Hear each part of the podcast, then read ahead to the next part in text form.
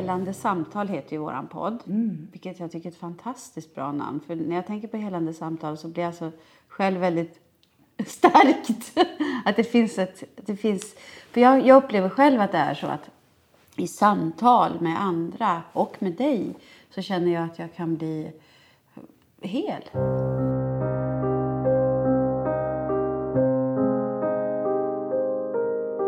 Vi pratar om vad är ett helande samtal. Och du och jag träffades ju lite i ett samtal. Ja. Och det är ju det som har pågått nästan nu under, är det fem år? Sen du och jag? Ja, Nej, inte riktigt. Men Fy- fyra? Ja, något sånt. Ja. fyra år sedan. Och så föddes den här idén då av att hur skulle det vara att dela med oss av både vårt eh, professionella jag och eh, det som tar oss på det innersta. Precis. Precis. Och, och då tänkte jag väldigt mycket in, inför att vi skulle spela in idag att eh, när Freud en gång i tiden eh, som, som började fick frågan vad lever människan av? Ja. Så, så sa han eh, kärlek och arbete, arbete och kärlek. Och plötsligt har det ställts på fullständigt ända. Ja. Vi har tagit bort möjligheten till Ja. att arbeta tillsammans utanför hemmet. Verkligen. Och du är faktiskt den första människan jag träffar på sex veckor. Så här. Ja. Förutom. Ja, och innan vi skulle börja idag så, hade, så snurrade vi ganska mycket om, omkring i vad som var passande och vad som var lämpligt. Och, och plötsligt så har man ju fått de små, de självklara sakerna som man, får, som man har klarat av att göra utan att tänka. Måste man nu liksom verkligen fundera över vad är viktigt, vad kan jag, vad kan jag skala av och, och sådär. Eh, någonting som jag tänker inte är helt olikt vårat, eh, skapande process när vi, när vi skapar. Jag tänker att vi är ganska bra på det. Att skala av och komma fram till vad, vad är viktigt och, och så. Den här gången tyckte jag det var en annan sak. Och det, det uppstod en oro om vi skulle våga och träffas för Ja. den här inspelningen. Ja. För att eh, min oro har legat mycket på andra människor att ta hänsyn till. Ehm, även naturligtvis vara aktsam med sig själv. Ja. Men, men eh, den man lever tillsammans med och så vidare. Eh, och sen är jag i en annan ålder än vad du är. Ja. Jag fyller ju 62 och det gör också någonting i att man ser livet på ett annat sätt. Jag börjar tänka också på vilka, vilka människor som är viktiga för mig. Och att det här att höra av sig har blivit väldigt viktigt. Visst har det? Ja, Och den där oerhörda längtan att kunna få ses igen. ja, Att inte veta. Jag tycker det som smärtar mig mest just nu är att tänk om jag inte får träffa min mamma nej, en gång till i nej, livet. Nej, nej. Vi rings vid varje dag och så men Mm, att inte få ses, att inte få det här mötet igen. Ja. precis. När man är 92 Nej. år så är det inte helt givet liksom, att jag vågar. Men vi sa också det att trots allt det här Mm. så ville vi ändå spela in idag. Absolut. För att det kändes viktigt, att, i alla fall för mig, att man måste liksom fortsätta. Ja, och det var då vi pratade lite grann om också vilka grundvärden som är så viktiga och, och att, vi, att hoppet just, Ja. tilltron och att hopp på svenska också betyder att våga. Mm. Så att vi vågade det här mötet idag också då Ja, precis. till ett samtal. Precis. Och så hamnar vi i, i lite varför vi... För det tycker jag är så viktigt. Det är lika viktigt för mig när jag går ut på scenen. Varför? Och, och v- varför gör jag det här och, och så. Och varför just helande samtal. Och det, var, det, det handlar väl lite om att, eh, att eh, när man arbetar mycket konstnärligt framför allt utifrån sig själv. Att man ska hitta eh, navigera hela tiden med sitt inre och med sitt hantverk. Eh, och det gör ju såklart alla människor liksom, i alla yrkesgrupper. Men, men vi har ju valt att prata lite grann om eh, vårt fält, liksom, vad, det, vi, det vi befinner oss i. Exakt. Och där hade vi ganska mycket likheter och olikheter också att kunna dela som vi har gjort Ja. under våra tidigare samtal som vi skulle också vilja inkludera mer i, i ett delande Ja, som frilans. Eh, Jag är filmklippare och terapeut. mm. eh, och dramaturg. Och, Ja, och jag är skådespelare och regissör och så är jag då internationell kultur, kulturprojektledare. exakt. Så, Mm. ja, så att, eh, Men det är väl också som, som man har som, som det har utvecklats i Sverige med att vara just inom vårt fält så har man också mer eller mindre blivit tvingad till att bredda sig och stå på flera ben. Eh, Det är inte alla förunnat att ta en fast anställning. Eh, Och jag, men jag har väl precis som du alltid Ja, jag har ju sagt upp mig från fasta anställningar och eh, velat vara fri. Fast jag har betalat ett ganska högt pris måste jag säga. Det är ju ett, ett, ett pris att betala samtidigt som att man kanske mer och mer stämmer sin egen inre kompass till att fatta att man tillhör de som behöver söka vidare Ja. och inte kan leverera och producera det som fordras av en. Nej, Eh, Då har min lust försvunnit några gånger i, i filmskapandet framför allt. Precis. Utan att eh, den där fria fågeln i mig måste finnas. Ja, för du, du har ju varit, du har ju, du gjorde ju en liknande, det var kanske därifrån vårt möte uppstod, för du gjorde en liknande erfarenhet av att när du var, hade passerat 40 så ville du utveckling. Absolut. Eh, Du hade arbetat som filmklippare och ja, dramaturg och jobbat med film i väldigt, väldigt många år samtidigt som du hade fått tre barn och, och så. Eh, och eh, uppfostrat dem såklart, eller uppfostrar dem, det gör du fortfarande. Men jag tänker att då hände någonting för då utbi- utbildade du dig till, Psykosyntesterapeut. just det, Ja, alltså, jag tror också att man, man kan nå ett tak i sig själv. Jag var lyckligt eh, förunnat att fått jobba med dem som jag velat jobbat med tills jag var 42.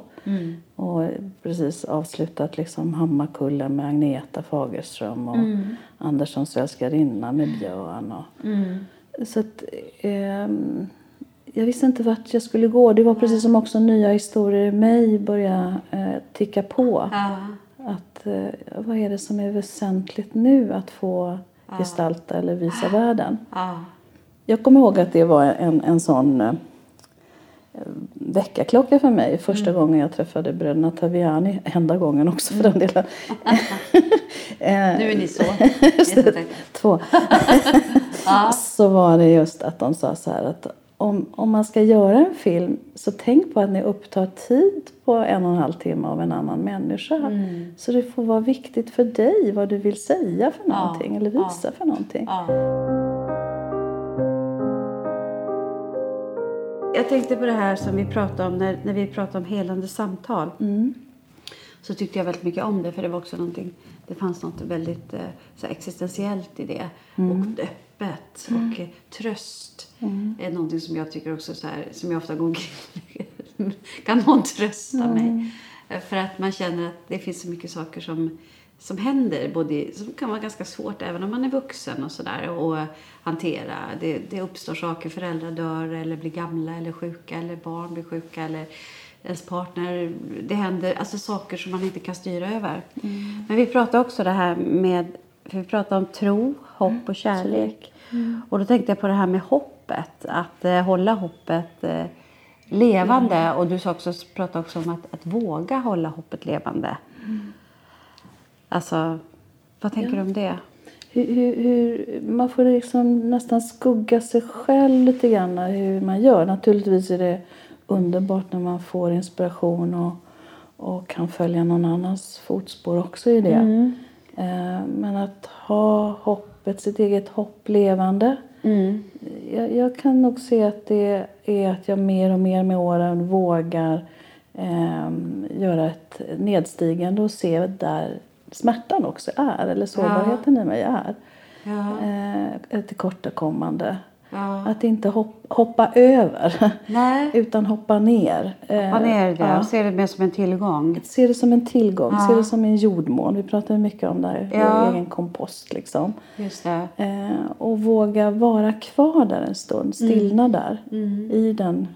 Ja, det är en slags smärta. En förtvivlan kan finnas där, sårbarhet, ledsamhet. Och ur det händer någonting. Ja. Ur det börjar någonting annat gro. Ja. Och, och, och få tilltron tillbaka och insikt av Hur, jag hur är. avspeglar sig här i ditt jobb du, som filmklippare, tror du? Eh, det gör nog att mina, min blick oftast när jag möter ett material är att leta efter det där skaviga. Ja, de där smärtpunkterna. smärtpunkterna. Ja. Och inte det som är bra eller dåligt utan det som kanske berör eller upprör. Ja. Eh, att jag vågar ta in det. Och det Just tror jag är en av mina styrkor faktiskt Ja. Och då, och då kan det vara ganska känslomässigt. Inte utifrån sånt här... Dramaturgiskt rätt och riktigt. Nej, hur den här bågen, eller vad, vad är den här fisken, eller den här, den här klassiska bilden av hur en dramaturgisk eh, liksom utveckling, eller Nej, ingenting enligt alls. de här sånt. amerikanska scriptwriters hur de skriver hur man ska... Nej. Nej. Jag har inget... Alltså, Jag tror det, alltså föreställningen om, den ställer till det för oss. Ja. Utan det, det som är, kan inte du också känna det, det här att hur försätter jag mig att vara närvarande? Jo, Och lyssna absolut. in och verkligen vara Ja. i nuet. Men, men det tänkte jag mycket på att eh, just med helande samtal att det är något som är motsatt mot perfektion. För perfektion och skapande hör ju väldigt sällan ihop. Men vi, vi, vi strävar ju efter perfektionen. Och då, är det så, då måste man liksom hela tiden iscensätta ett kaos i sig för att nå perfektion. Så jobbar jag jättemycket. Att, att jag försöker hela tiden släppa alla tyglar. Och det kan vara väldigt jobbigt för alla andra runt omkring när man arbetar som regissör. Men att jag försöker upp, skapa ett kaos för att, för att hitta riktningen. Eh, och det, det, det har jag använt mig av liksom som skådespelare också. Att inte bestämma i förväg. Eller att i förväg försöka hitta. Och ibland när jag hamnar i det så svettas jag nog kopiöst alltså det är väl tid för min kropp mår inte bra. Jag får här enorma svettringar. Då Och liksom, då, vet jag att nu är jag inne på film. För att det, ska ju vara, det ska också vara utan ansträngning. Det ska inte synas att man jobbar. Nej, Utan i det ska ju vara- slutändan är det ju så. Ja, det ska ju kännas naturligt, det ska vara äkta. Alltså så här. Men, eh, det, Men vägen dit är en, en svettig resa liksom. Ja, Man utsätter sig. ja, jag tänker också att det har blivit med åren mycket svettigare. För att man har med sig mycket mer i ryggsäcken. Man har mycket mer referenser och mycket mer... Erfarenhet Ja, också. och det är inte lika lätt att bara hoppa in. Och, utan det, det här klivet, apropå det här med hopp. Ja.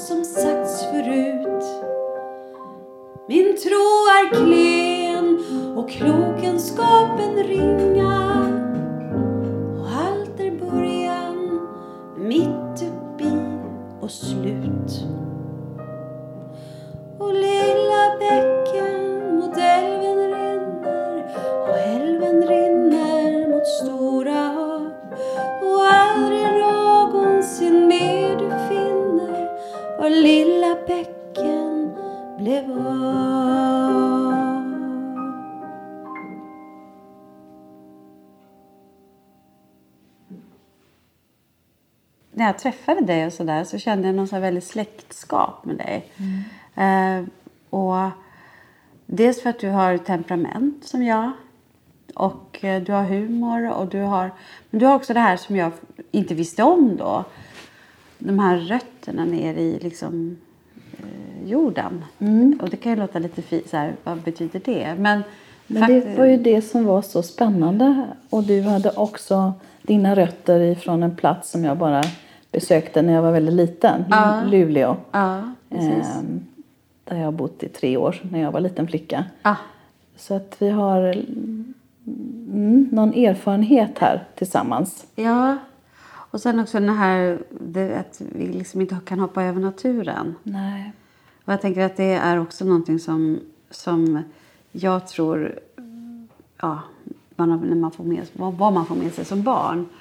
Och ehm, jag vet inte, de här sångerna när han sjunger de här låtarna, Allan Edwall, så känner jag alltid att jag känner mig så besjälad eller besläktad med, med det här glesbygds... eh, perspektivet och jord, jordbruket och de bönderna och alltså den här delen av mig. Den växer. Ja.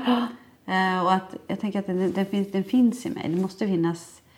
Alltså, Och den är jag väldigt glad över att jag har fått. Mm. I början tyckte jag den var lite svårhanterad.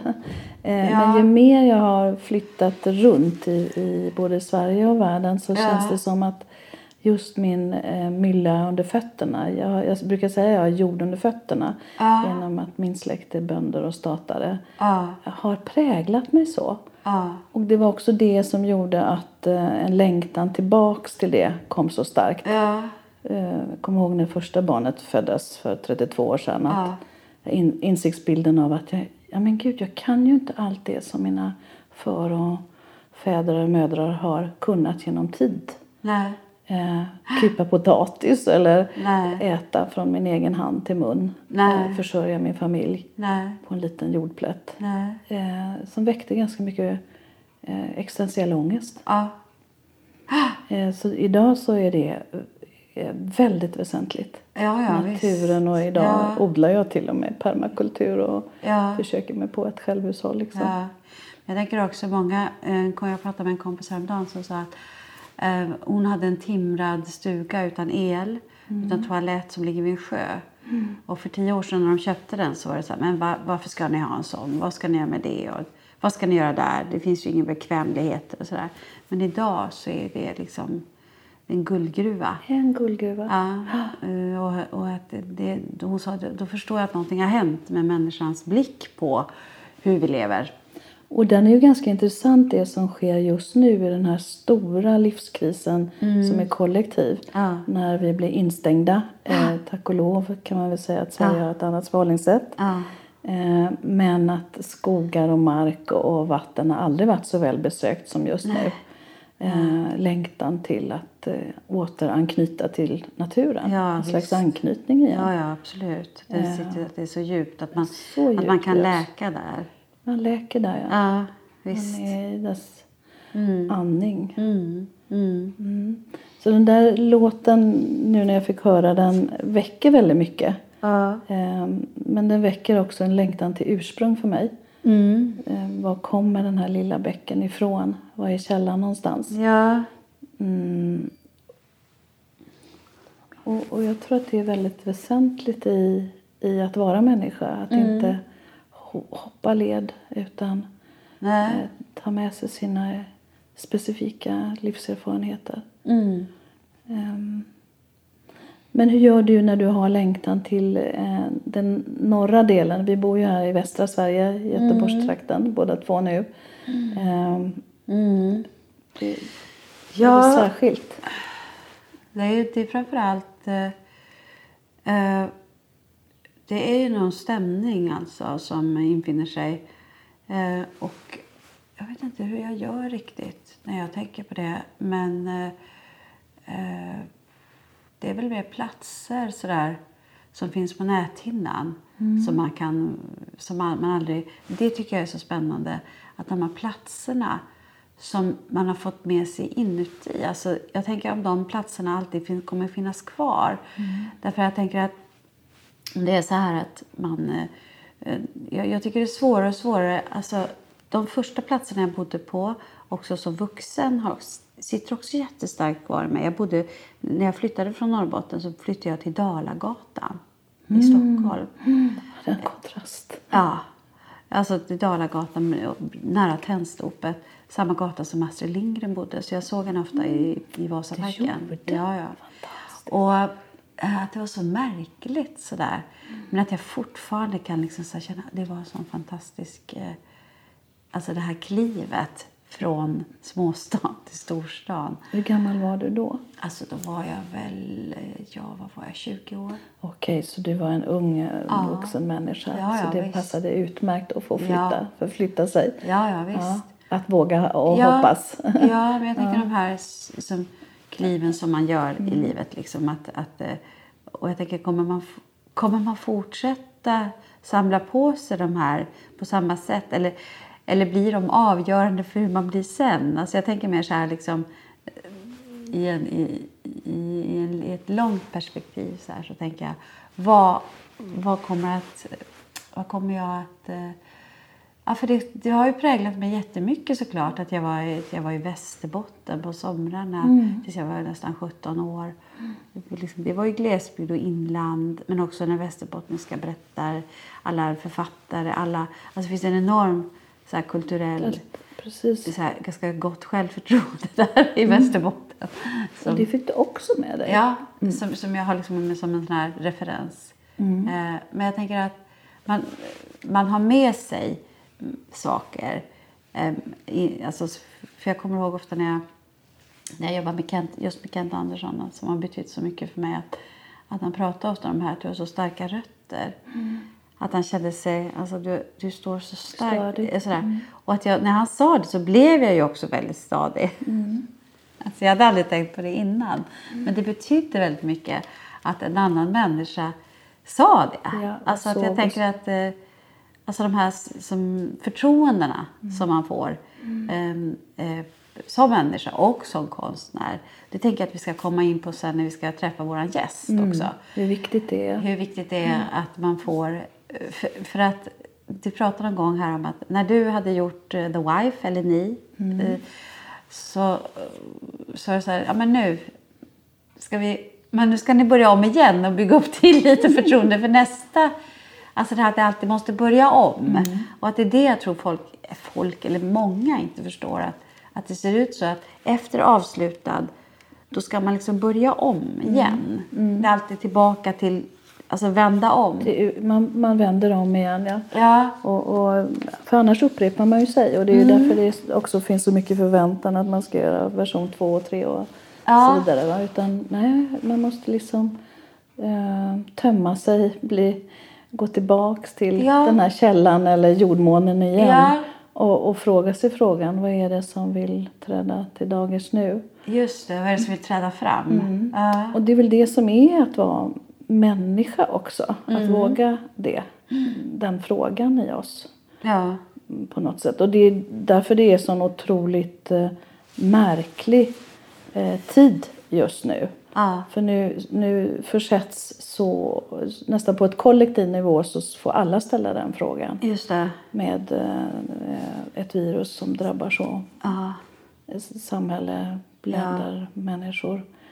Och så är den där stora skräcken, kommer vi lära oss någonting av det här? Ja, det är, alltså för jag hade ordet liksom eh, hur förändras vi efter det här? Mm. Det här kommer ju vara en bladvändare i tid liksom, innan och efter. Ja. Och eh, tyvärr så har vi människor ganska svårt till om man kan kalla det beteendeförändring. Ja. Det sa även Carl Jung på sin tid. Liksom, ja. Att vi får insikter, lärdomar och så stoppar vi ner dem i ryggsäcken igen ja. och så trampar vi vidare precis som vi gjort tidigare. Och det kan man ju höra i vissa debatter idag tycker jag mm. att bara vi får igång hjulen igen så kommer det börja snurra. Mm. Eh, och jag vill inte tillbaks. Nej. Jag vill att det ska bli ett uppvaknande eller en ja. förändring. Ja. Eh, och jag hoppas att många tar och svarar an till det. Ja. För vi levde ett tag på övertid, har gjort. Ja. Eh, av våra resurser just. Mm. Och det kanske också aktiveras varifrån man kommer. Mm. Eh, att man ser de här ja, vårt svenska guld, liksom, jord mm. och skog och vatten. Ja. Eh, eh, har sålts ut, har missbrukats, ja. gammelskogar förstörs. Mm, havet är förorenat. Mm. Och så kommer vi ändå, eh, och många med mm. oss, ifrån de här bygderna. Ja. Eh, Just det, att det väcker någonting, att man tänker att nu, räck, nu räcker nu räcker det. det. Ja. Nu räcker det naturen läker sig ganska snabbt nu om ja. vi ser de här veckorna ja, som har gått. Ja, eller hur. Man, har man får bara sån flash hela tiden av så havssköldpaddor och ja. som kommer tillbaka och delfiner Luften i Venedig. som kan andas. Och ja. Nya generationer som ser bergstoppar som inte har hägrat på Nej. 30 år och sådär. Nej, precis. Så att, eh, det är också i, i... Men det här påminner lite då det som vi, när vi började prata nu om det här med skapandeprocessen och det som pågår nu att jag tänker att, att det här att vi, när vi ger det tid så träder det fram. Just Alltså det är samma sak med jorden och att det är tiden som behövs, alltså tempot. Alltså så, om vi lugnar oss så träder saker och ting. Naturen träder fram. Det som Ja. är viktigt, alltså, som behövs liksom. Ehm, Det är kanske där vi har liksom sprungit eh, för fort. Eller ja, ja, någon har sagt så vackert, levt i ytskiktet Ja. istället för att leva i vår inre kärna. ja. Eh, och, och det kräver oftast stillhet Mm, och tid som du säger. mm. För att jag ska kunna svara an till den där.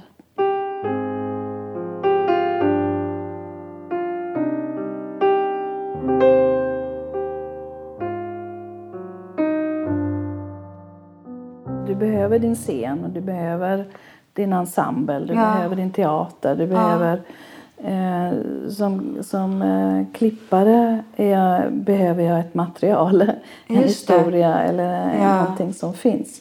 Och, och jag kom på en annan bok efter de här sex veckorna av eh, hemmakarantän som Mm. jag nu har haft. Eh, att eh, det är nästan första gången som jag får ställa frågan till mig själv. Vad är det jag längtar efter att göra? Alltså jag ingår ju oftast i ett team. ja.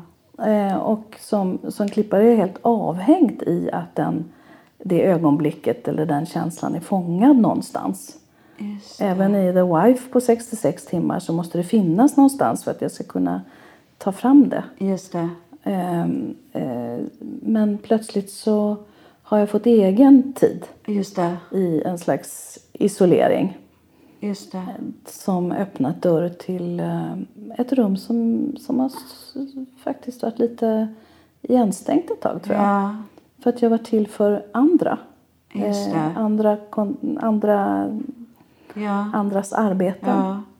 Men alltså det har ju inneburit också att många av mina vänner har ju bara tvär, så här, allting har blivit avbokat, Mm. allting är stängt, allting är nedlagt. Så flera har ju bara satt sig direkt i skolbänken. Vilket, vilket yrke kan jag ha vid sidan av nu? För de förstår att om det här fortsätter hålla i sig så har jag inget, snart inga Pengar, Ja. Och sen också eh, folk, så- eller jag har en kompis som börjar ta lastbilskort direkt. nu, Som är ganska framgångsrik Mm. Och det är ju skådespelare. så som är, att liksom överleva. Det kommer ju det första. Ja. Man blir väldigt rädd. Hur ska jag kunna leva Ja. på det? Ja. Samtidigt som man ser den här hastiga inbromsningen som nu är, är ju att plötsligt så behöver jag så mycket mindre. Alltså eh, så som, som jag och, och Björn lever så kan vi minimera. Vi har inga andra omkostnader på stora saker. Liksom. Utan man äter mindre, man konsumerar mindre, Ja. man reser absolut inte mycket. Nej. Inga tågbiljetter här inte. Nej. Utan allting blir ju eh, minimerat. Ja. Så att det blir ett, ett nästan påtvingat nedstigande Ja. i att vad blir värdefullt då?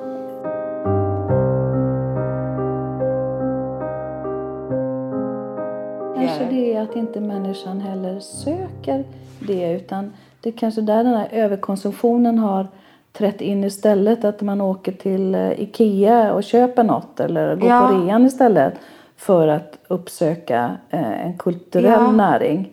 Eh, alltså det är ju en vacker tanke men det här ja, överkonsumtionen har ställt till det tror jag. Ja, precis. Men jag tänker också att vi kanske, det kanske nu som vi kommer att börja, om det här håller i sig och blir under längre tid så tror jag att vi kommer att vi kommer behöva näring i själen. Alltså jag menar, vad har alla gjort nu de här tiden? De har bara tittat på film, Enormt mycket. Mm. läst, alltså konsumerat, alltså utan, om inte det fanns. Det har jag tänkt alltså Vad skulle man tar vägen då.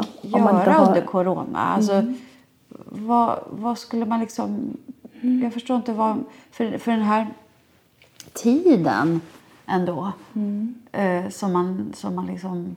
Netflix har ju till och med lågupplöser liksom för att alla ska kunna titta Ja, på... på... Men, men, eh, och, och det skulle väl vara nästa eh, fasa då om elen slogs ut eller eh, Ja. biblioteken stängde helt eller att man inte kan få transport på böcker eller Nej, eh, precis. lyssna på radion eller så. Va? Eh, men eh, där är vi ju inte. Nej. Men jag tror också att det har ökat på hemmafront då. Ja. Hem, hemmabio, hemmaläsning. Ja. Eh, lyssna tillsammans på en konsert eh, och så vidare. Ja, och jag tycker också att jag upplever att jag har fått tillbaka lite av den här stillheten Mm. som jag kände när jag växte upp. Att det behövde inte hända någonting hela tiden hemma. Alltså sådär. För barn idag är väldigt så bra på att det ska hända någonting hela tiden. Det ska, de ska stimuleras hela tiden. Exakt. Eh, tycker jag. Som, kan vara, som man också känner att man måste ställa upp på lite grann för att så ser samhället ut. Det är ganska svårt att ställa sig utanför. Ja, och det tror jag att, att jag tyckte var den stora förändringen när, när våra barn var små. Att insiktsbilden av att man själv kom ifrån en, en liten bygd där man kunde välja hur mycket som helst där utifrån. Ja. för, för det fanns inte så mycket att välja på. Nej. Men med, med sin egen, egna barn fick man lära dem ganska snabbt att välja bort Mm. saker för att kunna välja till det som verkligen var Mm. givande. Ja. För, och det, den strömmen har ju ökat ännu mer. Ja. Idag är ju barnen uppkopplade i tidig ålder, Ja. alldeles för tidigt. Ja. Eh, att inte kunna få lära sig att ha det här inre samtalet och längtan och egna kreativiteten med sig själva. Ja. Eh, det, då, då tappar vi lite av den där kärleken eh, på något sätt. Va? Och att också hitta vår egen röst tror jag. Mm. Att man blir eh, föreställningen om om jag gör så här så blir det bra eller något. Den är farlig tycker jag. Vi ska diskutera rollen över ett glas vin hemma hos mig. Och så. Allting som försvann. Försvann väldigt Allt som var snabbt. så lite spännande. Det, liksom Det, bara, det har nog försvunnit väldigt snabbt i mig överhuvudtaget. men det kanske inte har med det att göra. Eftersom jag eh, träffade Björn när han var 26 och jag 28 så blev vi med barn på en gång. Ja. Så att den vin, vinen. Däremot så kom, kommer jag ihåg att när man som eh, adjunkt eh, var lärare att många av de här samtalen togs med lektorer och professorer ute på baren eh, som man inte kunde då delta i eftersom man var, he- var på väg Just hem det. till att natta något barn. Eller avlösa varandra. Eh, men jag tror inte det har påverkat kanske mitt uttryck så mycket. Mer än att känt av att det kan vara skillnad att vara kvinna och man i de här yrkeskårerna. Ehm, och det har vi väl eh, haft en riktigt bra uppvaknande med metoo som jag hoppas nu går till liksom we do. Att vi börjar liksom förändra till att vi börjar samskapa igen. För där kan det bli lika ensidigt att tro att det bara ligger på kön eller viss ålder eller Ja. ja. Utan jag, jag vill gärna tro att vi kan dela de här olika erfarenheterna. Min, min måttstock är mycket i att, att våga vara i någon slags polaritet. Om jag har mycket av någonting så försöker jag lära någonting som jag inte har. Förstår du vad jag menar? Ja. Alltså, vi har pratat lite grann om vad vi är sprungna ur. Jag har väldigt mycket jord, jag är grundad, Ja. jag tycker om att liksom ja. Just vara där. Ja. Men om jag gör det bara i mitt uttryck, i det konstnärliga, Nej. så blir det ganska grått. Ja. Vi pratar om en grå köttfärskvarn ungefär. Alltså, Ja. Jag måste också addera någonting som riskar det Just som jag det. redan kan. Mm. Alltså att våga riska utanför min egen box. Ja. Eh, det som är det okända eller det Just som jag det. inte vet någonting om. Ja. Eh, och det kan alltid bli en provokation i ett samarbete på något sätt. Eh, men eh, samtidigt så är det det som är liksom lite av en Mm. tändfjäder. Men känner du att, för jag tänker, känner du att det är viktigt att ha en, ett motstånd i arbetet? Vill du ha liksom en, För mig är det jätteviktigt. Men det som du nämnde lite, att lite konstnären liksom, eller att regissören måste ha en linje och du har en, att vi ska liksom ha lite sådär? sådär. Att våga, att våga visa olikheter är jätteviktigt. Ja. Och ett bollplank. Alltså, jag tror att det är det värsta som många människor vet. eh, Både på det privata Ja. och det professionella. Att inte få respons. Liksom. Nej. Att man inte säger det som är där. Nej. Det är både mig som terapeut, mig som klippare, mig som människa. Ja. Att jag vågar hoppa och riska det. Fast det är obekvämt. Och jag kallar det faktiskt för tough love, att det är kärleksfullt. Ja. För att jag, jag vill att vi ska vidare med filmen eller i terapin eller i relationen. Men eh, nu är du inne på någonting som, som vi pratade om lite det här med att vad får en själ att darra? Därför jag kan tycka att det kan vara jättesvårt i ett arbete eh, om det blir för tufft. Om det blir för tufft, ja. Ja, att därför- det blir eh, konfrontation eller Ja. Däremot så är det spännande om man har olika konstnärliga liksom, så här, eh, visioner och så. Men, men ibland så kan jag känna att eh, min egen, liksom, jag är, min egen liksom, lilla lustbubbla, eller min egen lilla, eh, vad ska jag säga, och det där har jag liksom börjat förstå med åren att hur viktig den där är för mig. Att slår man hål på den där luftbubblan så har jag jättesvårt att komma tillbaka. Absolut, den kan jag hålla med om. Eh, och därför så, så har jag med åren blivit lite mer rädd om, alltså att jag börjar förstå liksom att oj, det är, det är, inte, det är inte helt självklart att, att jag klarar av vad som helst. Förut tyckte jag att jag gjorde det, men jag tycker inte att jag gör, så, gör det längre. Jag tycker att jag är mycket bättre på att känna efter så här, men vänta. För om inte arbetet så att säga liksom, kan liksom flyta eller flöda på ett bra sätt så tycker jag det är jättesvårt. Och det där är ju en, en sån viktig komponent som vi, jag tycker mm, vi Men där tror jag liksom filmen är mycket tuffare. Ja, den är tuffare men den är kanske tydligare också att den går i tre olika faser på Mm. något sätt. Med, alltså vi träffar ju inte hela vår ensemble Nej. så som man kanske gör på teatern. Det är ju i samma rum i alla fall. Nej. Utan vi träffas eh, först när det är färdigt. Ja. Men, men eh, att man ändå bygger tillit eh, ganska snabbt i de här olika rummen av film. Mm, Och där har ju kanske filmen också haft en, en egen kris genom att det konstnärliga ägandet har förskjutits till att idag äger då eh, producenten det konstnärliga verket. Och då har det blivit enormt mycket konstiga konflikter där filmen faktiskt har havererat tycker jag. Det blev inte det som man hade som gemensam vision. Nej. Eller som manusförfattare då som på serien kan liksom vara Men det är showen. så här överallt. Överallt. Eh, alltså, Även så här världsberömda. Det, det, vi såg det när vi var i USA och England också. Det, det är nästan ännu mer där. Ja. Så, och genom att vi har levt den här lite auteurtraditionen eh, och jag är också skolad i det. Att någon bär ändå visionen som jag kan förhålla mig till. Och då har det inte varit svårt för mig att vara i motstånd eller Nej. medhåll. För jag vet att jag har någonting att förhålla mig till.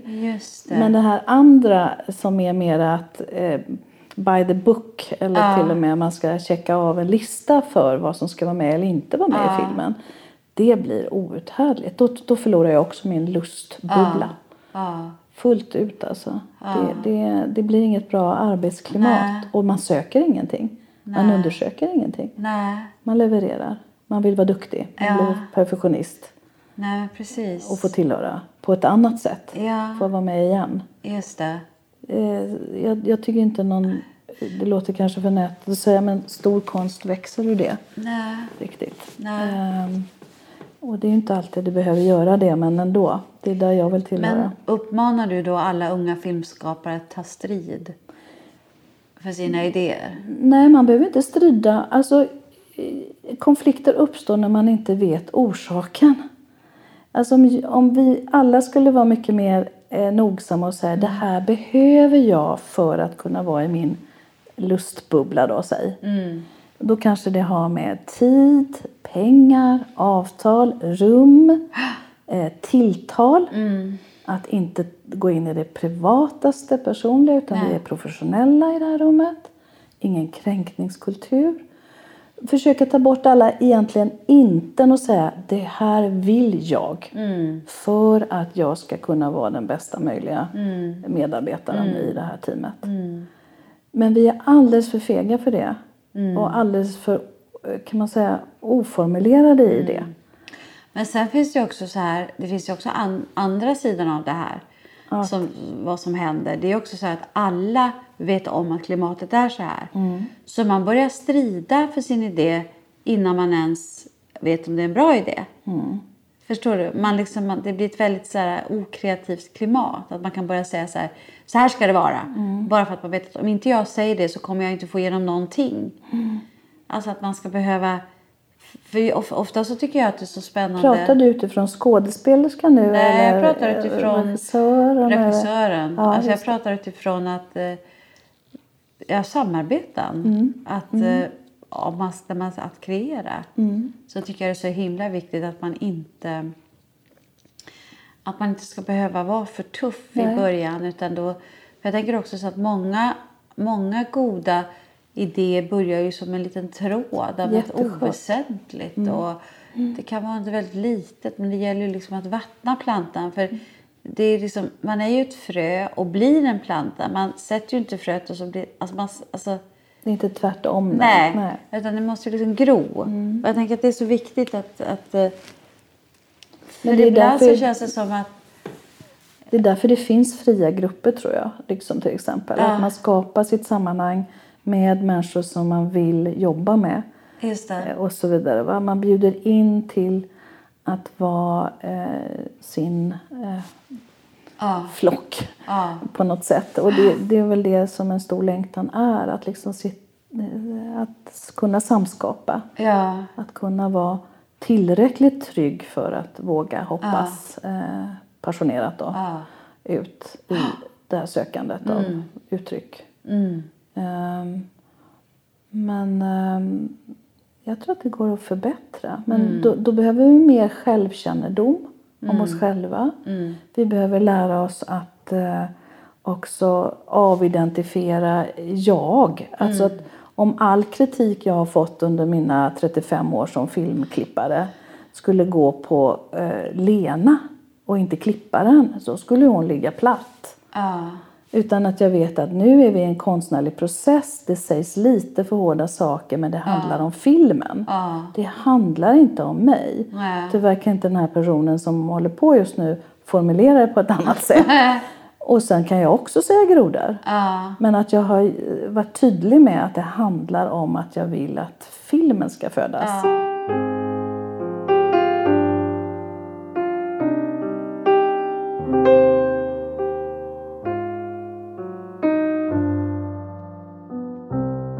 Nu är här. Och det är vår kära Anna Bjälkerud. Anna Bjälkerud tillhör Göteborgs stadsteaters fasta ensemble sedan många år och har de senaste åren setts i flertalet stora filmroller på film och på tv.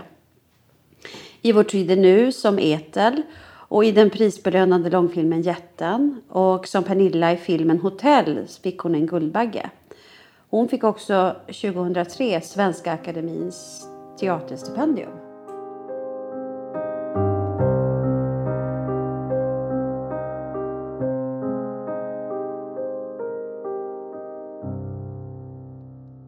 Jag känner mig fri när jag är trygg.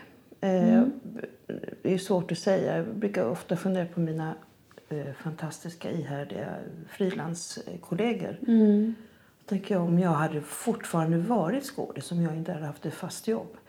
Jag brukar ofta säga att jag hade inte varit det, men det, det vet man ju inte. Men det, är- det är ju ett tufft jobb. Du pratar om det här med allvar. Att jag ofta, kan få lite bassning för att jag alltid säger att det är så ett himla tufft jobb. Teaterskådespeleri det är ju något annat än film, eh, filmjobb. Men få lov att göra fel, få lov att utveckla mig tryggt, kan hålla mig undan, eh, få hålla mig till och framförallt kunna ha en familj. Att inte stressa upp mig eller må, ja, så för att eh, ja, man inte har pengar till hyra. Nej. Men eh, när, du, när det började liksom så att säga, när resten av Sverige började få veta vem du var, då hade du jobbat på Stadsteatern ganska många år. Eller hur? Om du menar att filmkarriär, Ja. så kallad karriär, Ja.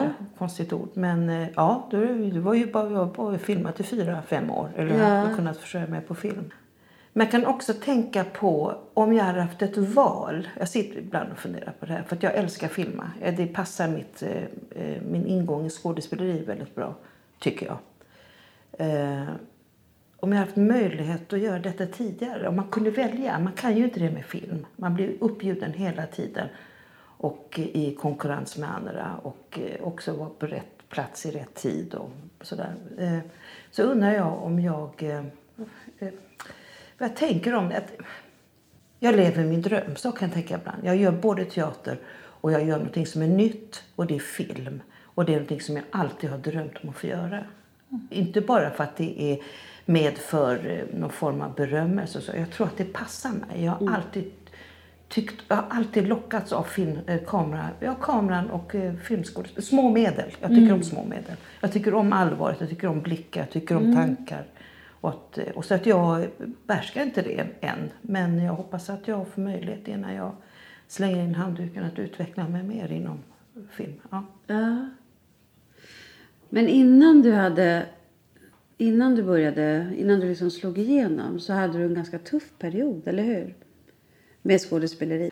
Det, det, det är ett tufft jobb eh, att jobba på en teater samtidigt som det är fantastiskt eh, privilegierat att som jag har fast eh, jobb, ha en ensemble och jobba ihop med ett sammanhang.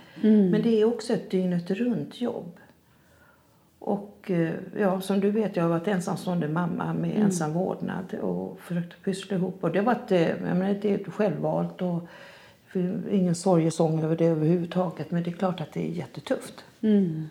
Att det tar på krafterna och yngre blir vi ju inte. Och Varje kväll, varje dag, två pass om dagen, eh, sex dagar i veckan. Nu jobbar inte vi sex dagar i veckan. Jag tror inte alltid. många vet hur arbetstiderna ser ut. Nej. Berätta hur en arbetsdag ser ut. Alltså det man, om du blir anställd, alltså vad arbetstiderna är, ramarna är sex dagar i veckan.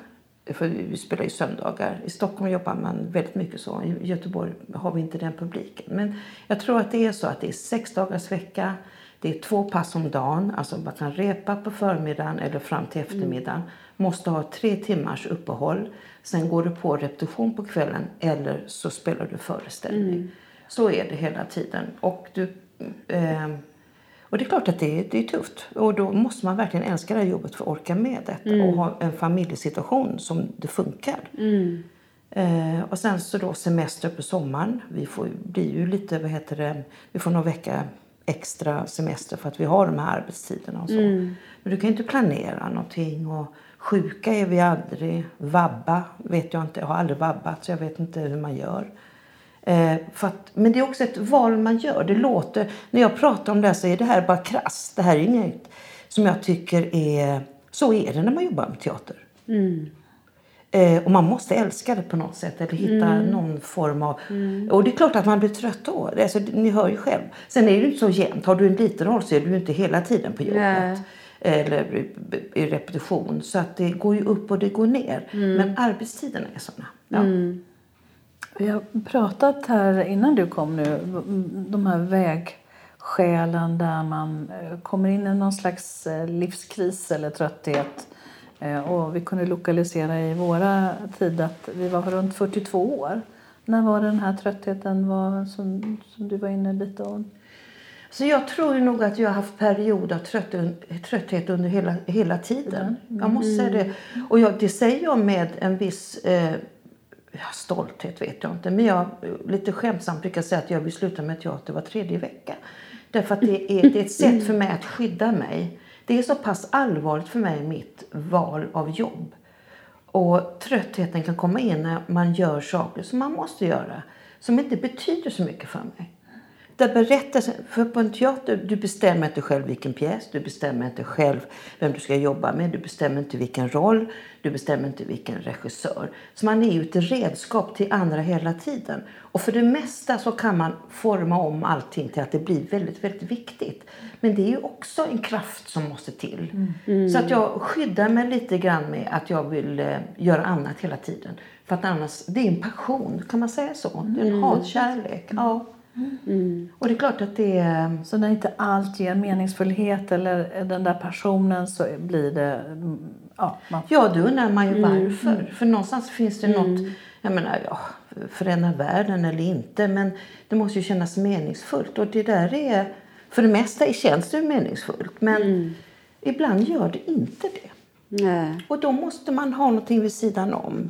Som du vet, Mirja, att jag stickar och, Ja. och skulpterar och, och, och har min, min lilla familj. Och Det är väldigt, väldigt viktigt. Men om du inte hinner med de här sysslorna, fritidssysslorna, Mm. så blir det ju kaos. Jag vet inte hur mycket energi en människa ska ha. Och stor eller liten roll, det spelar ingen roll. Nej. För du, det, det pågår hela natten. Det är, jobbet är, det är ett dygnet runt jobb. Tycker jag väldigt mycket. Sen får andra, för mig är det det. Förändras det, även om man tillhör då en teater och en ensemble, så här, förändras det ändå på något sätt eh, valet av dina karaktärer med tid? Alltså blir du, nu när man har sett dig i så många olika roller, kan man liksom, åh Anna måste få bära den här rollen eller det här skulle vi vilja göra för att du ska, kan man se den tendensen med år som går?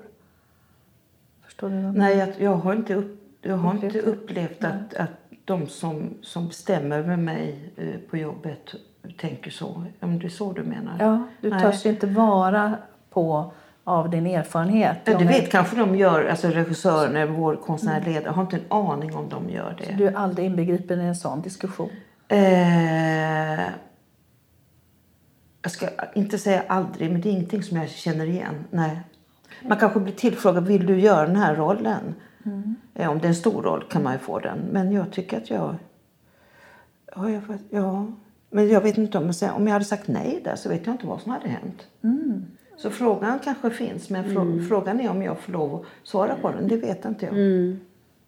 Men när du har gjort, när du gör en stor roll då, vad, vad händer med liksom, känner du dig upp, kan du bli uppfylld av den då? Eller känner du fortfarande liksom att du känner att du behöver, eh, alltså kan du gå in i, i arbetet då så här som du vill? Eller känner du fortfarande att och nu kommer det här bli på bekostnad av mitt, mitt mående?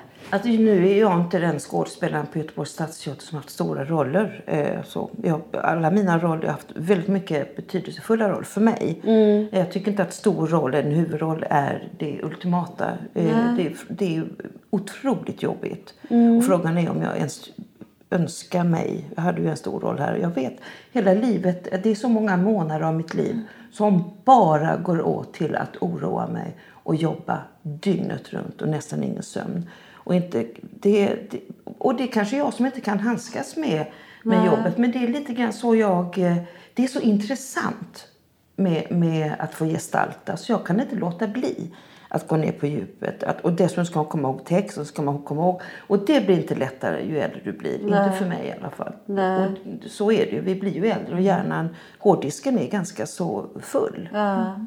Så att jag, jag, jag kan tänka mig små, mindre, jävligt bra roller igen. Man går in och bara sätter det som är intressanta. Som jag också kan skydda mig från. Som inte bara ger mig ett ok. Mm. Men det här är jättespännande tänker jag för många. För att mm, många kanske drömmer om att, att ha det här. Dels fasta jobbet, stora roller. Men att det också har ett pris. Och hur ska man navigera i det? Och det är lite det som vårat, våran podd handlar om. Att, att hur, hur, hur kan man bli hel och hur kan man hela sig själv i ett skapande så att man hela tiden ja, orkar och kan vara rädd om det man faktiskt kan. Vad tänker du? Nej, vi pratade om det lite grann. Det här. Och jag förstår att det är... Du, du får ju på det som du sa, du får en slags tillit och trygghet eh, för att det är eh, en, en fast anställning på något sätt. Så att du har en ram. Eh, vet att man kan återkomma, man kan misslyckas också i, i det. Men samtidigt så kanske det är svårare vad jag hör dig säga också att stå upp ännu mer för det här behöver jag, det här vill jag. Eh, Det här längtar jag efter. Eh, För det utrymmet verkar inte heller då vara givet i att man pratar eh, om det på det sättet. Det, de som lyssnar på det här, det här handlar säkert mycket om min, mig som person. Hur jag är som duktig flicka, eh, som kvinna i en bransch. Det har också lite grann med, det märker nu när man plötsligt har blivit väldigt gammal på arbetsplatsen. Man är inte den, den unga längre, inte ens medelålders. Och vi får in unga, nya kollegor. Så... Eh, eh är i den gamla generationen, vad det jag skulle säga, eh, där fanns något romantiskt. Och jag... Den hårda skolan, den hårda polska, ryska Stanislavski-skolan som var en räddning. Eh, jag var jätteblyg, jag skulle aldrig gått upp på scen om inte jag hade gått på en hård eh, förberedande skola till scenskolan.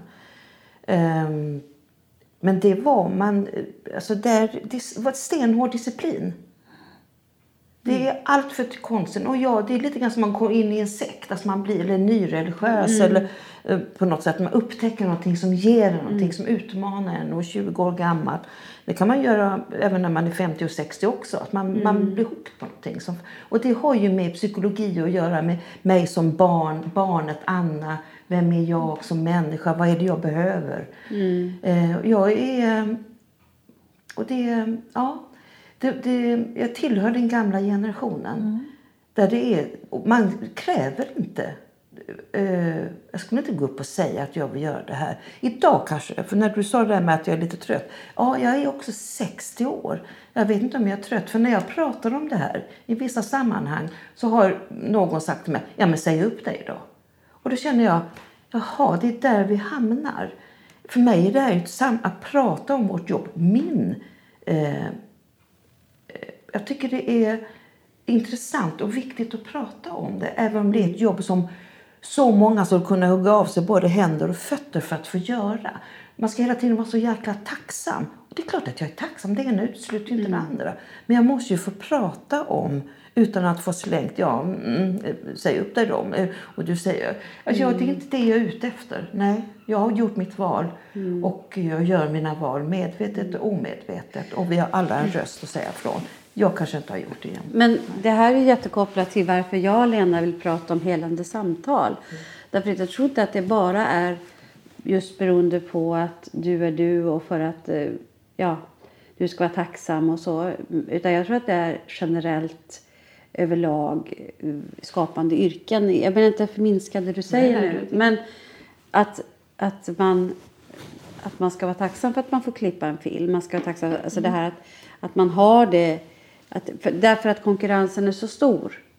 Eh, och att man vet också att, man är, att man, det är väldigt lätt att bli bort. Alltså att man vet också den bistra verkligheten. Att det finns, mister du en så står det tusen där som, som faktiskt bara när som helst vill kliva in i dina skor.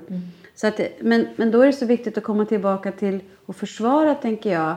Och det är också därför tycker jag vår podd är viktig. För att försvara dels människovärdet, alltså respekten för varandra.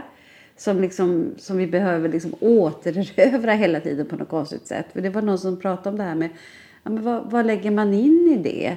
Alltså vad handlar det om? Och då tänker jag också så här att ja, men det kanske är viktigt att förstå att man inte är utbytbar. Man måste få känna att man är viktig. Mm. Alltså att, att jag tänker att det är väldigt viktigt att signalera att ja, men du är väldigt viktig i ditt yrke. Och det tror jag liksom att vi strösslar inte med det överlag.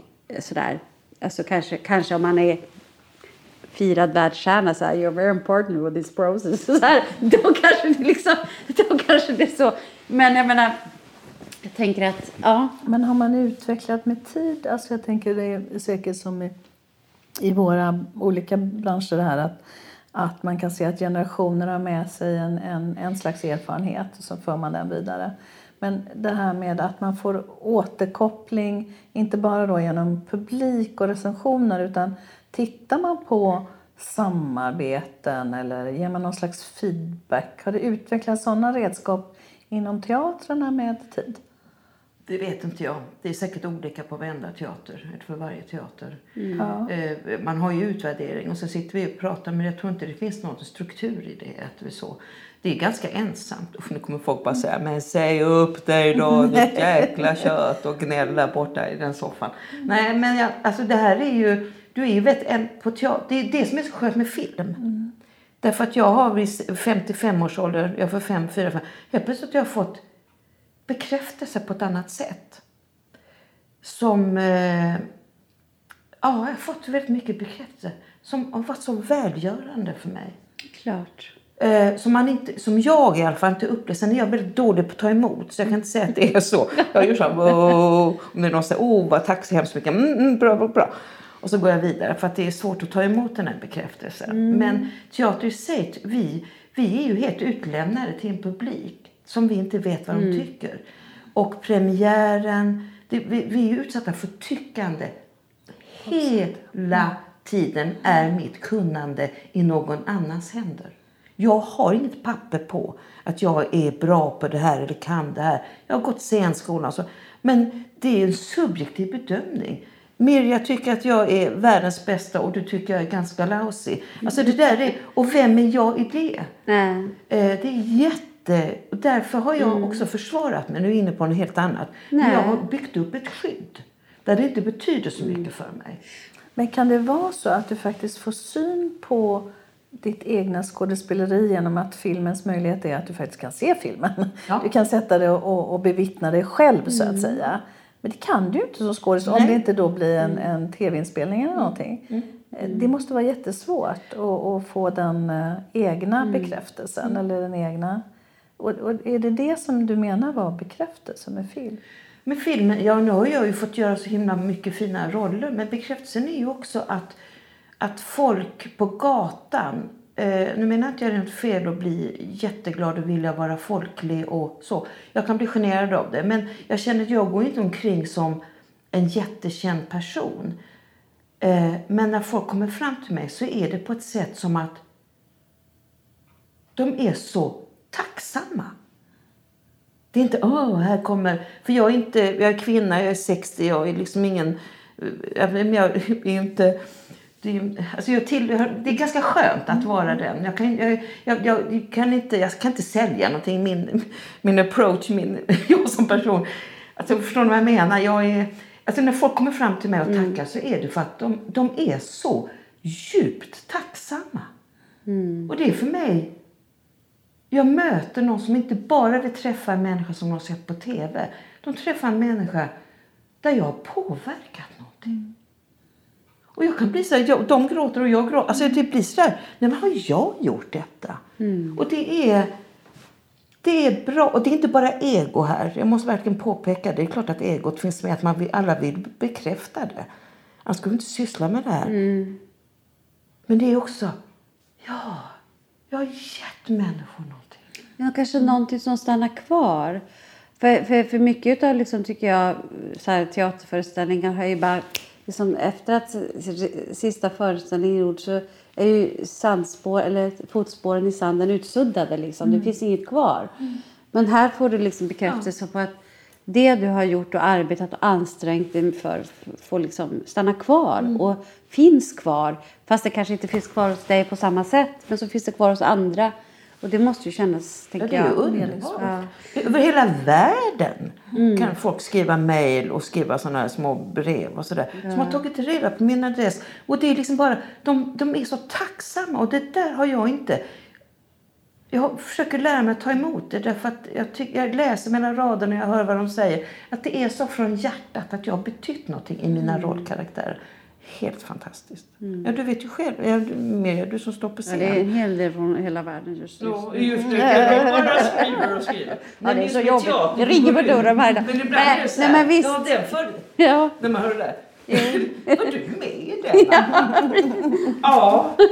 Jag stod där och viftade på armarna i tre timmar. Så Ja. någon som inte ens har Nej. sett den på scen. Och då får man tänka, ja, jag kan betala hyran, jag har trevliga Mm. arbetskamrater, jag har ett fast jobb. Det är, gör inte ont någonstans. Det är väldigt kul att få göra det här. När inte ens publiken har sett att man är med i pjäsen. Nej. Eh, jag vet, det handlar nog om bekräftelse. Ja. Ja. Men jag tänkte på det, vi pratade lite förut om... Har du känt att, för när du beskriver det här, jag skyddar mig och... Vad har du, tror du har varit din strategi genom åren? Dels kanske för att orka vara skådespelare. Och, eh, men vad tror du liksom har varit ditt sätt att... Eh, både, både liksom för att du måste vara tvungen till det men också kanske för att du har tagit hjälp av det. Vet du det? Hur tänker du på det? Det är både och. Det är många faktorer i detta. Eh, jag, det här med beröm och bekräftelse, det är därför jag är noga med att säga att liksom, det handlar inte om... Det är jätteskönt och mitt ego. Jag vill vara fri. Det handlar bara om frihet. Jag kan inte skapa om jag måste om jag ska försöka vara duktig flicka, förstår du. Om jag, om jag, jag vill inte ens påstå saker om min roll. Jag vill inte ens prata. Vet, nu ska vi sätta oss och prata om det som film eller teater. Nej, jag vill inte. Lita på att jag älskar det här jobbet. Jag är inte rädd för det svarta. Jag är inte rädd för att gå ner på djupet. Jag är inte rädd för att eh, eh, vara en frånvarande mamma eller flickvän. För det ingår i mitt jobb. Det kommer den gamla skolan in. Det är därför jag är skådis. Jag tycker det är så vansinnigt roligt. Nu när jag blivit äldre är det lite jobbigare. Men det är, jag har varit mindre. Och börjar jag förklara vad jag tänker. Då känner jag, då, då känner jag att jag har någon skyldighet att leva upp till det. Inför en arbetsledare slash regissör då i det. Och det, jag vill vara fri. Du får gärna som regissör prata med mig om dina tankar och färger, vad du nu vill. Så kan jag bara ta in och lägga det bak så kan jag använda mig av det. Men jag... eh, Och det kan ha med barnet, duktiga flickan, att försöka... Har jag sagt någonting så, så, så har man liksom hört sig själv säga det. Så att jag vill gärna vara fri och ganska tyst. Ja. Så, och av det vill jag inte höra för mycket. Och jag vill inte... Eh, jag har inte dåligt självförtroende på det sättet. Många kanske tycker att jag... Du, du vet den där man är lite osäker. Nej, jag... Underdog. Jag, kommer, jag är, jobbar hellre underifrån. Ja. Lugnt och fint. Låt mig vara. Jag vill inte ha några förväntningar. Jag kan inte mycket säga, jag vet inte om jag klarar av det här. Vet, folk blir helt chockade när jag säger, jag gjorde fel. Jag vet faktiskt inte om jag klarar av att göra en sån här roll. Istället för att säga, det här fan.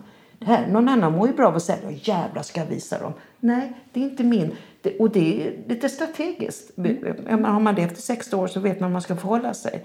Jag vill vara helt fri. Ja. Jag vet inte om ni förstår vad jag menar. Absolut. Det låter precis som att du tar hand om, du svarar an till det du egentligen behöver. Att kunna få frihet då. Ja.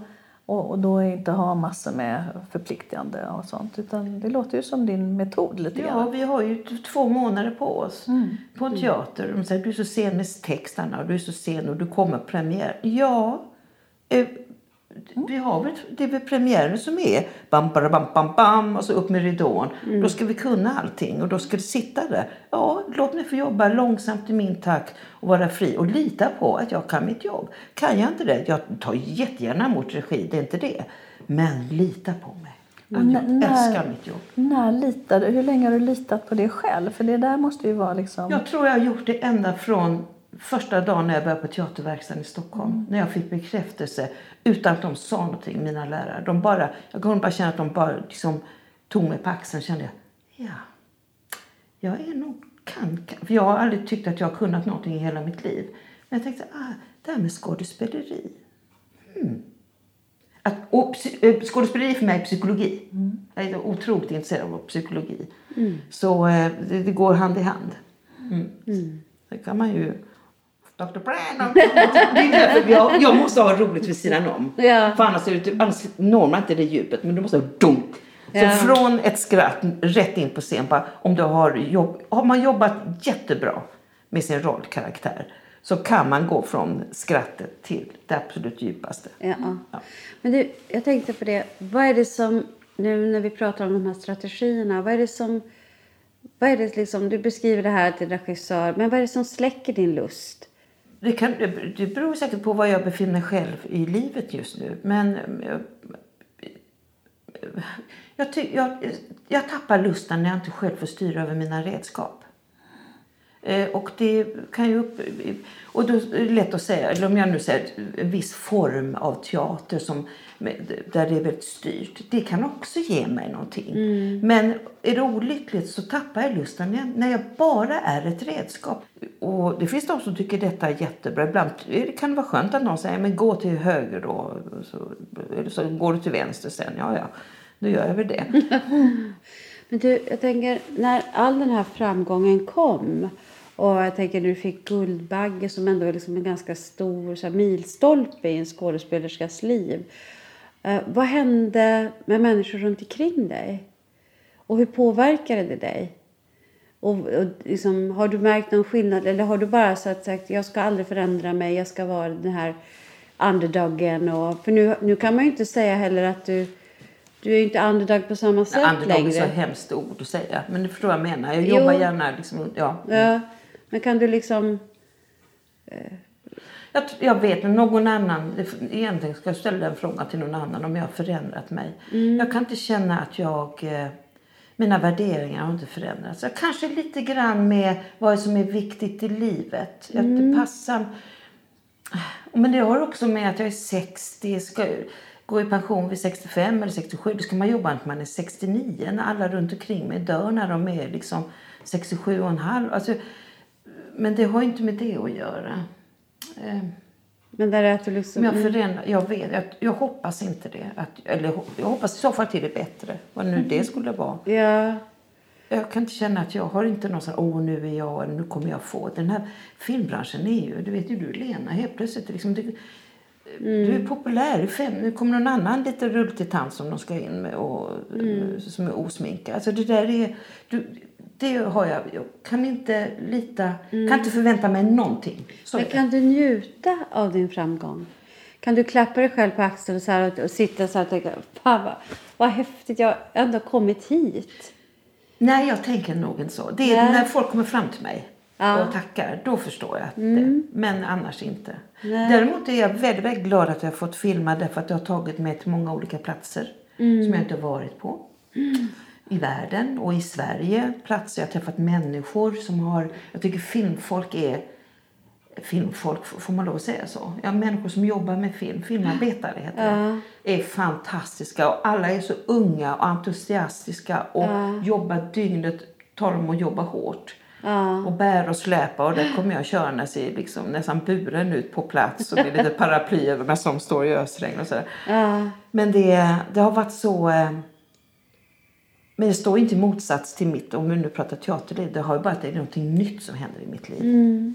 Det är nya människor, det är, jag får lära mig nya saker, jag eh, får andra, använda mina redskap fast på ett annat sätt.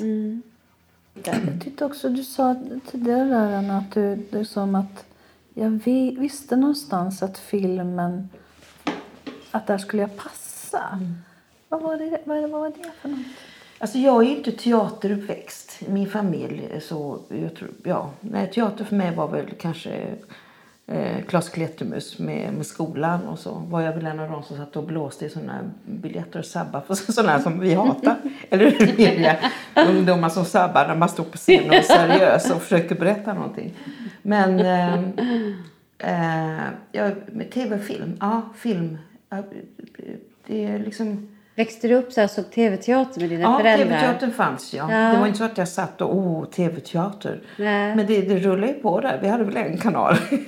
Sen kom väl två. Men det kanske påverkade dina föräldrar och därför påverkade, alltså att det fanns med i alla fall. Nej, jag har inte varit helt utan kultur i min, min familj och i mitt umgänge. Vi umgicks med, med en, en mamma som var skådespelare och journalist och genom henne fick jag ju gå på teater ibland och gå uppe på deras rekvisita Vind som var en magisk värld. Så att det, men jag tror att jag, eftersom jag upplever mig själv som blyg fast att käften glappar så eh, Ja, att gestalta med andras ord därför att jag själv inte hade orden. Och inte vågade och inte hade självförtroendet när det gäller att hur, hur smart är den här människan. Inte så särskilt, skolan har ju sabbat mycket för min del tycker jag. Vilket att inte känna, ja, att inte vara tillräckligt duktig. Mm. Ja. Mm. Men eh, och, eh, och nu kommer jag in på många olika saker. Ja men fortsätt. Det är Nej spännande. men f- filmen nog bara, sen kom ju eh, Gösta Ekman som jag var så kär i och sen Woody Allen och sen har vi då oh, Meryl Streep, Robert De Niro, alltså du vet alla de här som går in i sina roller som ändrar sig, som ändrar dialekt, ändrar tänd. Så det där är ju magic. Mm. Det är jag uppväxt med, långt innan teater kom in i mitt liv. Så du har liksom en passion där som du får... Ja, men du kommer ju nära. Teater är ma- magiskt. eh, Teater är magiskt, men film är någonting annat. Det ena är- utesluter inte det andra. Men jag, jag tror nog att jag kände mig då, när jag ville bli skådespelare, så var det nog de små medlernas uttryck. Jag tycker fortfarande om små scener. Jag är inte så förtjust att stå på stora scen. För det är, krävs så mycket muskler och eh, en teknik Alltså det, jag tycker inte om att gå sitta i stora salonger heller. Därför jag, jag, tappar, jag måste vara nära. Jag vill inte betrakta, jag vill vara med i historien. Och det tycker du filmen har mycket mer av? eller? Ja, oh ja. Som, som form är Ja, det ju. Mm. menar, om du så tittar på padda eller på mobilen så, så fångar det på ett annat sätt. Så det går inte att jämföra teater och film. Mm. Så. Jag tror inte man förstår hur mycket kraft som krävs för att stå på stora scenen. Alltså i muskler och i tonus och i liksom, kondition och alltså för att nå ut. Det, är ju så, och det, det blir ju ganska grovhugget. Det blir ju inte det här finstilta som du beskriver utan det blir mycket teknik och slå ut och, och hålla... Men ska du ändå vara så trovärdig som möjligt samtidigt som du har tekniken att nå upp till högsta balkongen. Det är spännande, eh, men om man inte får höra.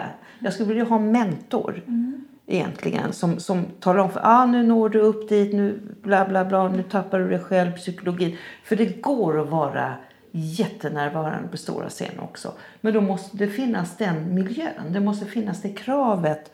Eh, Det måste finnas den viljan och man får lov att ta den tiden på sig. Och också hitta hur ska jag använda det här redskapet för att samtidigt nå upp dit. Det sitter 600 i salongen och samtidigt vara att inte stänga av. Så det är jätte, teater är ju enormt spännande teaterskådespeleri och svårt. Som du säger, stora muskler. Och där hörde jag dig då säga, eller ja, eh, efterfråga, tänk att ha haft en mentor eller någon som speglade tillbaks det där så att man kände att man nådde fram då till... Vad skulle du säga har påverkat dig mest? Och jag tänker så här, är det någonting som du känner att du har och som du skulle vilja dela med dig av? Så här, som, som du skulle känna som du kunde få kraft av? Kanske en svårighet eller ja, någonting som har påverkat dig. Alltså, så här, till exempel, jag var med om en jättesvår bilolycka. Det, efter det så bestämde jag mig för att... Alltså någonting sånt där som, som har på något sätt har fått en avgörande vändning eller som har blivit någonting som har förändrat dig? Alltså, möte med, bara att bli mamma förändrar ju en. Eh, att bli mormor förändrar mig. Sen kan, har jag varit med om ett möte rent konstnärligt teater, på teaterscenen. Ett möte med en regissör, eller, ja, som fick mig som teaterkonstnär. Var det ordet att kalla mig konstnär? För det har jag frågat mig. Kan man vara konstnär när man är anställd på en institution? Jag pratar inte liten teater. Den har upptagit mig den frågan. Eh, för det är faktiskt skillnad. Och den dagen jag eh, jobbade med Melika Meloani Melanie, heter hon så? Förlåt mig Melika. Eh, så eh, hon använde sig av det uttrycket. Och det var då jag började skulptera i lera. Eh, ordet konstnär, jag skulle inte använda det om mig själv. Det är ju en hobbyverksamhet. Men hon pratade om oss, hon blev så intresserad av att jag skulpterade. Och att hon såg på oss. För det första var det en form av teater som jag aldrig har varit med om. Eh, hon fick mig att känna mig som en, en konstnär. Ja, som skådespelare på en scen. Vad var det för pjäs och för uppsättning? Först var det ju Vi som är hundra.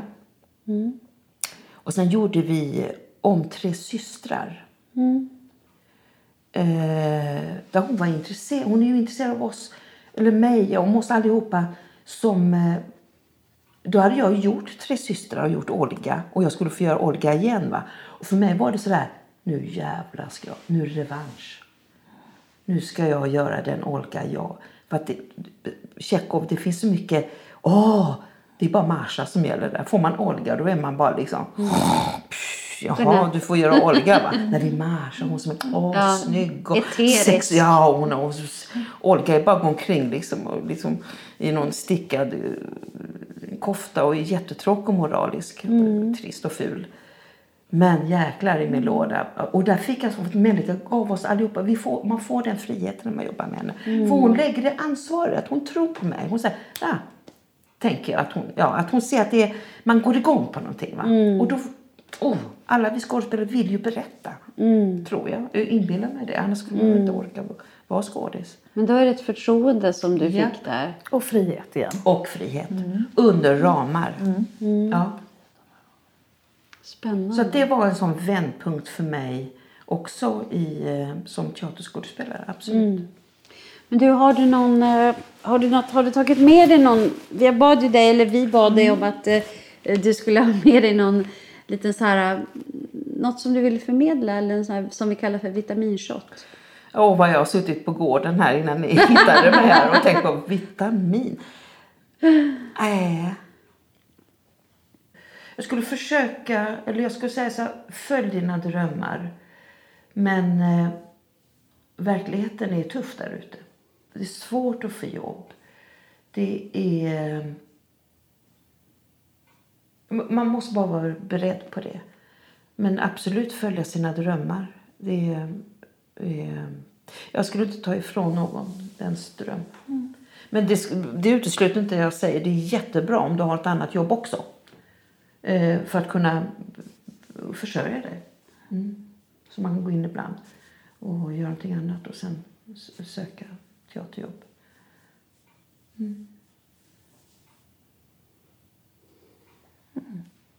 Och Det var väl lite det vi var inne på, du och jag också, att vi har ju växelbruk eh, för att kunna fortsätta Mm. våran dröm om det ena och det andra. Men sen är- tänker jag också nu när vi pra- pratar om det så tänker jag så här, för mig är det man måste, det måste finnas en orsak till varför man vill bli det. För annars jobbar man inte som jag i 30 år. Vi pratar om barnet Anna. Vi pratar om, eh, det har också kommit fram till den sista tiden, det här med revansch. Och det kan låta jättehemskt. Det finns ingen bitterhet eller något sånt där. Det är väldigt mycket revansch, eh, bekräftelse. Det är behovet av bekräftelse. Varför ska, varför ska jag annars gå in på scen? Varför ska jag annars stå framför kameran? Man vill ju bli älskad och det finns ju olika nyanser på den formen av kärlek som man vill ha eller bekräftelse.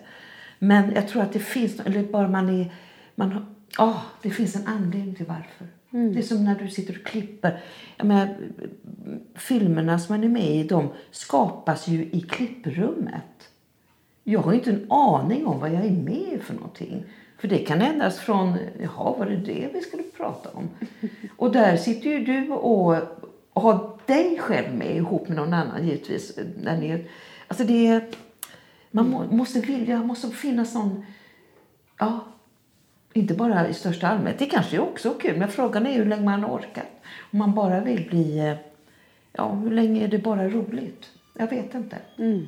Det är säkert olika men eh, inte riktigt den ingången för mig. Mm. Är det en slags passion du pratar om? Att liksom ha den igång? Eller? Ja, det var väl det vi pratade om att jag hade den här hatkärleken, Just passion. det, Ja. passion. Mm. Och det är ju tröttsamt vi som har varit med om passioner i livet.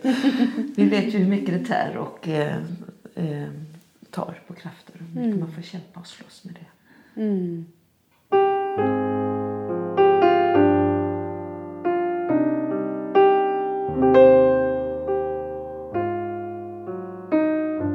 Vilken dag! Ja, vad häftigt. Fint med alla samtal. Mm. Verkligen. Första podden av helande samtal. Ja, det känns lite helande för en själv. Och det är väl det som är oftast det, att man söker det som man själv behöver Mm. helas i Mm. på något vis. Mm. Det har varit väldigt fint. Absolut. Och i- när jag dynar tillbaks över dagen så står det väl ut fortfarande det som vi börjar med lite grann, den här tro, tilltron, hoppet, att våga, att våga i våra yrken och våra liv. Mm. Och eh, framförallt kärleken eller passionen för det, den vi är Mm. och det vi gör. Mm. Att utan de tre så, eller med de tre snarare, så finns en Mm. stort mysterium och meningsfullhet. Mm. Du, jag tänker på söndagsintervjun så slutar han ju alltid med Ska vi säga så? Vad ska vi säga? Vad ska bli vårt eh, slutord? Vad tycker du? Har vi något? Som vi kan ha? Ja, I dessa tider, dessa extrema isoleringstider där vi inte vet, alltså att icke veta, att vad är ovisshet? Mm. så finns det en eh, möjlighet till eh, inre samtal med sig själv och att vi också får ha det samtalet här tillsammans. Mm. Ehm,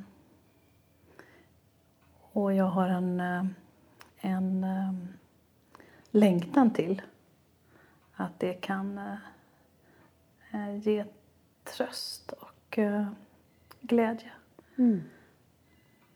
Lite plåster på såren. Och en liten vitaminshot. Nej, men vi får ju verkligen tacka Erik Bergstrand Ja. som har varit oss så behjälpliga till att göra vår första podd. Eh, Och vi har Fabian Kalledal som har spelat så vacker pianomusik för oss. och Jesper från Auditory som har spelat in oss. Och inte dagen. minst, eh, förlåt, inte minst dagens gäst. Anna Bjälkerud, skådespelerska med mycket mera. Och sen vill jag tacka dig, eh, Miriam Bulin, att du finns här. Eh, Och faktiskt tacka mig själv också. Ja, att det ska du göra. Vi vågade att ta samtalet. Tack Lena Runge. Tack.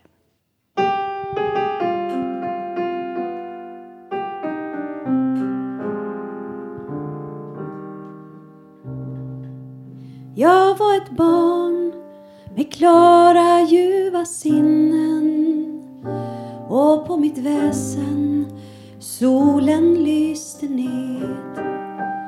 Mitt liv var nytt och ännu utan minnen och genom natten månen stilla gled.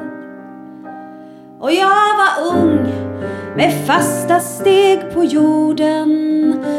Jag levde fritt bland träd och vilda djur.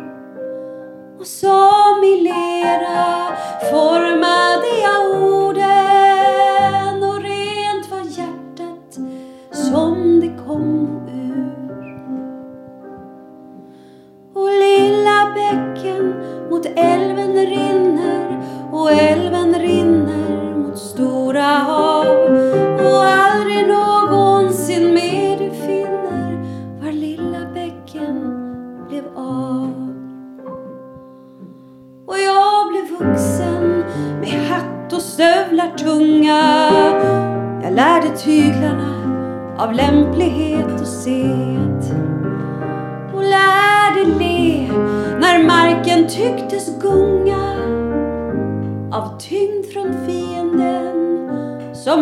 högg oss